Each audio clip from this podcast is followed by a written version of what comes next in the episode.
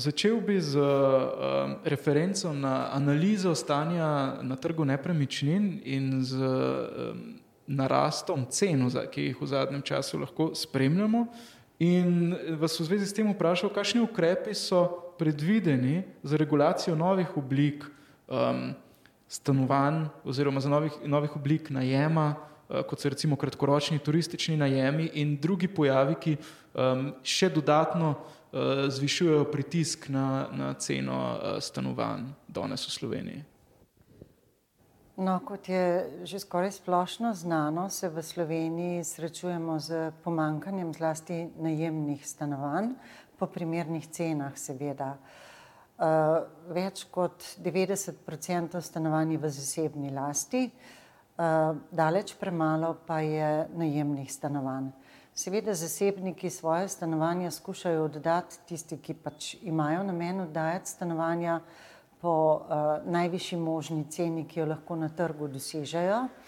In mnogi se odločajo tudi za te tako imenovane, kot ste rekli, alternativne oblike oddajanja stanovanj, kar je zlasti v večjih mestih, ne samo pri nas, ampak tudi povsod po Evropi, vedno večji problem. Uh, razne platforme, kot so Airbnb, Booking in podobno, Eh, predstavljajo kar precejšen problem. Zaenkrat v Sloveniji še niso regulirane tako, kot bi si želeli, vendar pa sodelujemo z Ministrstvom za gospodarstvo pri uh, pripravi regulacije tudi to vrstnih platform. Uh, naj povem, da se Airbnb oziroma tako imenovano sobodajalstvo odvija na podlagi zakona o uh, gostinstvu. In v tem zakonu je zaenkrat zapisano, da se lahko stanovanja oziroma da se sobodajalstvo lahko upravlja tudi v stanovanjih oziroma stanovanjskih objektih. Problem nastane, kadar se to sobodajalstvo dogaja v večstanovanjskih stavbah, zlasti je problem z ostalimi sosedi. Eh, to je ena plat problemov, drug problem pa je, da ta stanovanja, ki bi lahko bila na voljo za dolgoročen stanovanjski najem, končajo v turističnem najemu oziroma kratkotrajnem najemu. Uh, tu nas še čaka nekaj dela in z kolegi iz Ministrstva za gospodarstvo upamo, da bomo te stvari v kratkem uredili. V proceduri je sprememba zakona o uh, gostinski dejavnosti, tako da bodo tam te stvari bolj uravnotežene. Eh, po drugi strani pa seveda z spremembo stanovanskega zakona, ki je bila v letošnjem letu sprejeta, država odpira nove možnosti za gradno najemnih stanovanj.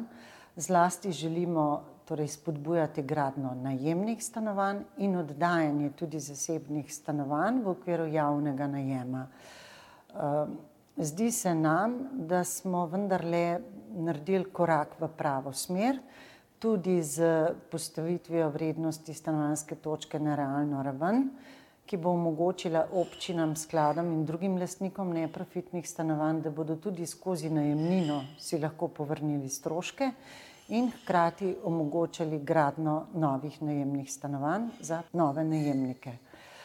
Uh, omogočeno je više zadolževanje za stanovanske sklade, tako za republiškega kot za občinske in tudi omogočanje republiškemu stanovanskemu skladu dostop do zemljišč, ki bi jih občine prodajale, torej tistih zemljišč, ki so namenjene za stanovansko gradno. Uh, rada bi pa izpostavila še javno uh, najemniško službo, kot ji delovno rečemo. To je uh, javni najem stanovanj, ki bo zaživel z 1. januarjem prihodnem letu. Na ta način želimo zasebna stanovanja spodbuditi, da jih preko, preko republiškega stanovanskega sklada zasebniki oddajo v najem, sklad pa v podnajem prosilcem do neprofitnih stanovanj. Kako ocenjujete vpliv lastninjenja stanovanj, tako imenovanega jazbinskega zakona, v tranziciji in ali so bile takrat kakšne alternative, ki bi imele mogoče v današnjih razmerah drugačne strukturne posledice? No, privatizacija stanovanj je trajala dve leti, od 91. do 93. leta. Kot veste, je bil odziv bivših imetnikov stanovanjskih pravice enorm. Na ta način se je v Sloveniji prodalo preko 140 tisoč uh, bivših družbenih stanovanj. Treba je vedeti, da je takrat država prešla v en drug sistem, skozi tranzicijo iz prejšnje družbene lastnine pač v zasebno lastnino in temu uh, je sledilo tudi stanovansko področje. Seveda uh, je bil rezultat tako velikega zanimanja bivših imetnikov stanovanske pravice oziroma najemnikov teh stanovanj, da je ogromna večina stanovanj v Sloveniji v zasebni lasti in da uh, posledice čutimo še danes, pomankanje neprofitnih najemnih stanovanj. Vendar pa tudi država v vsem uh, obdobju očitno ni posvečala dovolj uh, pozornosti gradni novih stanovanj, zlasti občine in občinski skladi se s tem niso veliko ukvarjali. Sredstva iz privatizacije naj bi končala na stanovanskem področju, uh, vendar pa lahko danes ugotovimo, da ni bilo v vseh primerih temu tako. Uh, ne glede na to, uh, je treba podariti tudi razdrobljeno lastništvo teh stanovanj, ki se je zgodilo. Tako imamo v Sloveniji zaradi tega razdrobljenega lastništva tudi precejšnje probleme pri upravljanju stanovanj, pri sprejemanju soglasij, kar je nekako drugače kot recimo v drugih državah Evropske unije, kjer so ponovadi večji lastniki ali pa institucionalni lastniki, ki odločajo o upravljanju stanovanj.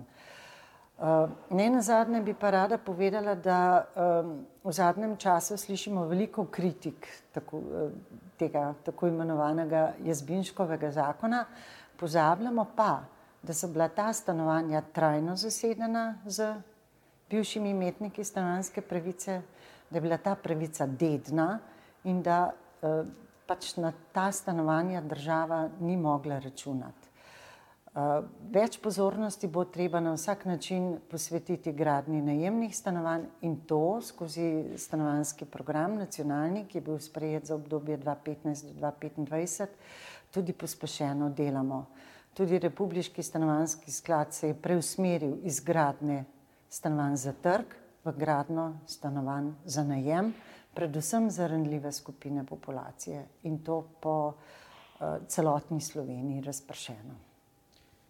Kakšno vlogo ima gradna javnih stanovanj na razvoj podeželja, na vprašanje centralizacije, oziroma ali bi potrebovali dve različni strategiji za podeželsko javno stanovansko gradnjo in mestno oziroma urbano stanovansko gradnjo? No, moje mnenje je, da dveh strategij ne bi potrebovali, glede na to, da je Slovenija relativno majhna država. Uh, Seveda je potrebno razvijati uh, stanovansko gradno po celotnem področju Republike Slovenije in decentralizacija stanovanske gradne je tudi naš cilj. Prizadevamo si, da bi se stanovanja zgradila tudi uh, izven večjih mest Slovenije, da tako mladi lahko ustanejo na uh, bi rekla, v svojem okolju, tudi na podeželju, čeprav so tam veliko krat drugačni načini reševanja stanovanske problematike, uh, vendar pa je treba zmanjšati pritisk na velika mesta, ker to za sabo potegne seveda tudi več prometa in vse ostale infrastrukturne projekte, ki temu sledijo. Mislim, da je prav, da se Slovenija razvija decentralizirano, treba je omogočiti tudi nova delovna mesta za mlade in mlade družine, ki bodo potem ostale tudi v okoljih, kjer si želijo, in seveda temu prilagoditi tudi stanovansko politiko za gradno primernih stanovanj tudi na teh lokacijah. Kako ocenjujete um, sodelovanje različnih strok, um, tako med sabo, kot v povezavi z ministrstvom, um, ki se ukvarjajo z organizirano stanovansko gradnjo. Oziroma, z drugimi besedami, je interdisciplinarno sodelovanje na stanovanskem področju plodno? No, stanovanska politika je sklop velikega števila politik. Uh, samo Ministrstvo za okolje in prostor težko premakne stvari naprej. Treba je uh, zagotoviti sodelovanje več resorjev oziroma celotne vlade na tem področju. Davčna politika je ena od ključnih politik, ki lahko zelo veliko naredi na stanovanskem področju, eh, prav tako seveda socialna politika, tudi Ministrstvo za gospodarstvo ima seveda pri tem uh, kar veliko vlogo. Uh, upam si trditi, da vsaj v zadnjem obdobju uh, ministrstva med seboj dobro sodelujejo in tudi strokovna javnost, vsaj tista, ki na stanovanskem področju sodeluje z Ministrstvom za okolje in prostor, sodeluje dobro. Zelo uh, korektne povezave in stalno, in stalno izmenjavo mnen imamo z uh, gospodarsko zbornico uh, in tudi z vsemi drugimi udeleženci, z uh, skupnostjo občin Slovenije, z skupnostjo mestnih občin Slovenije in z Združenjem občin Slovenije. Uh, Tako da bi si upala trditi, da skušamo stališča vseh, uh, ki nekaj pomenijo na tem področju, da tako rečem, uskladiti. Je pa včasih težko, ker so pogledi različnih skupin včasih diametralno nasprotni. Vendar uh, z ustrajnostjo in dobro komunikacijo se da stvari premakniti na bolje in temu sledimo. Umenili ste davčno politiko, bi se strinjali z oceno, da um, tranzicija, um, dokler ne uvedemo davka na nepremičnine, primerljivega z zahodnimi državami, um, ta tranzicija ni bila izvedena do konca. Recimo na eni strani lastninjenje stanovanj, ki je pretvorilo družbeno lastnino v zasebno lastnino, na drugi strani pa davčna politika, ki temu ni sledila. No, obdavčitvi nepremičnin se v Sloveniji pogovarjamo že vrsto let. Že kar nekaj vlad je ugriznilo v to, da tako rečem, kislo jabolko, pa uh, še nobena ni izpeljala uh, zadeve do konca. Uh, Ministrstvo za finance, kolikor je meni znano, pelje stvari naprej in do davka uh, za, na nepremičnine bomo slejko prej prišli. In seveda bo ta davek uravnotežil uh, zadeve tudi na stanovanskem področju. Ampak rada bi omenila tudi davek na oddajanje nepremičnin, ki je v Sloveniji v primerjavi z ostalimi državami Evropske unije precej višji. Uh, v proceduri je, kot ste verjetno seznanjeni, sprememba zakona o dohodnini, ki bo ta davek skoraj prepolovila. Uh, Eh, in upamo, da, bo, da je to korak v pravo smer in da bo to lastnike stanovanj spodbudilo tudi k oddajanju stanovanj, se bo davčno breme za njih nižje. Zdaj imamo pa za vas pripravljenih še šest zelo kratkih vprašanj, um, anketnih vprašanj, za katere uh, vas vabimo, da se na hitro do njih opredelite. Prvo je, ali je potrebno reševati stanovanski tloris skupno z urbanistično rešitvijo, ali je potrebno tip stanovanja kakorkoli vezati na določen mestni predel. No, nisem ravno strokovnjak na tem področju, ampak bi odgovorila pritrdilno. Kaj mislite o pravilnikih in predpisanih minimalnih stanovanskih površinah? Ali naj se spremenijo ali celo ukinejo? Pravilniki se bodo spremenili, morajo se spremeniti, ker jih je že nekoliko čas povozil in v kratkem prihodne leto verjetno se bomo lotili tudi te zadeve. Ali mislite, da so pogoj za to, da lahko pričnemo z gradnjo resničnih, racionalnih in dobrih stanovanj, nove tehnologije in materijali? Če da, kateri? Verjetno je treba slediti napredku tehnike, kateri materijali vam težko povem, ker nisem strokovnjak na tem področju, ampak gotovo je treba slediti zeleni politiki, energetski politiki, skratka, treba je iti s časom naprej. Je število sob ali uporabna površina sploh še relevantno merilo uporabnosti stanovanja? Je sploh še smiselno graditi majhna stanovanja?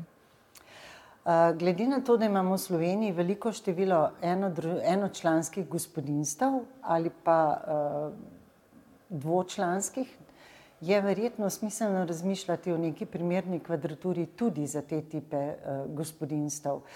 To se pravi, v Sloveniji bi verjetno morali imeti vse vrste stanovanj, od glede pač na povpraševanje, od tudi manjših na začetku, bom rekla, stanovanske karijere gospodinstva, pa do večjih, ki potem seveda omogočajo trajnejše bivanje v tem stanovanju. Skladi imajo omejena sredstva. Ali je v času stanovanske krize pametneje ta sredstva vložiti v gradnjo večjega števila zasilnih ali manjšega števila bolj kvalitetnih optimalnih enot? Uh, no, skladom smo zdaj omogočili večje zadolževanje, tako da nekaj zakonskih sredstev imajo. Tudi neprofitna najemnina se bo dvignila za 33%, tako da bo pokrila stroške oziroma povrnila uh, stroške investicije. Uvaja se tudi lokacijski faktor, ki bo povrnil stroške v zemljišče. Uh, stanovanski skladi bodo tako lahko uh, pospešili stanovansko gradno in seveda na ta način upamo, da bo, da bodo skladi prilagodili tudi svojo politiko gradni stanovanj. Tudi nekaj zasilnih stanovanj, kot jim mi rečemo, stanovanj za najnujnejše potrebe, za tiste kategorije populacije, ki se znajdejo v zelo težki stiski, ne vem, zaradi izgube zaposlitve, zaradi kakšne smrti v družini, potrebujejo včasih zasilno bivališče in tudi ta morajo biti na razpolago. Seveda pa v manjšem obsegu bistveno je, da se zagotavljajo stanovanja za trajnejše reševanje stanovanskega vprašanja. Še zadnje vprašanje, bi morali v pandemiji drugače načrtovati stanovanja? To vprašanje je pa najtežje. Uh, Vse veste, pandemija gre svojo pot, pač uh, gradna stanovanj se temu prilagaja, ampak gradna stanovanj je kar precej dolgotrajen proces še vedno, uh, tako da verjetno bo prej končana pandemija, kot pa se bo to prilagodilo. No?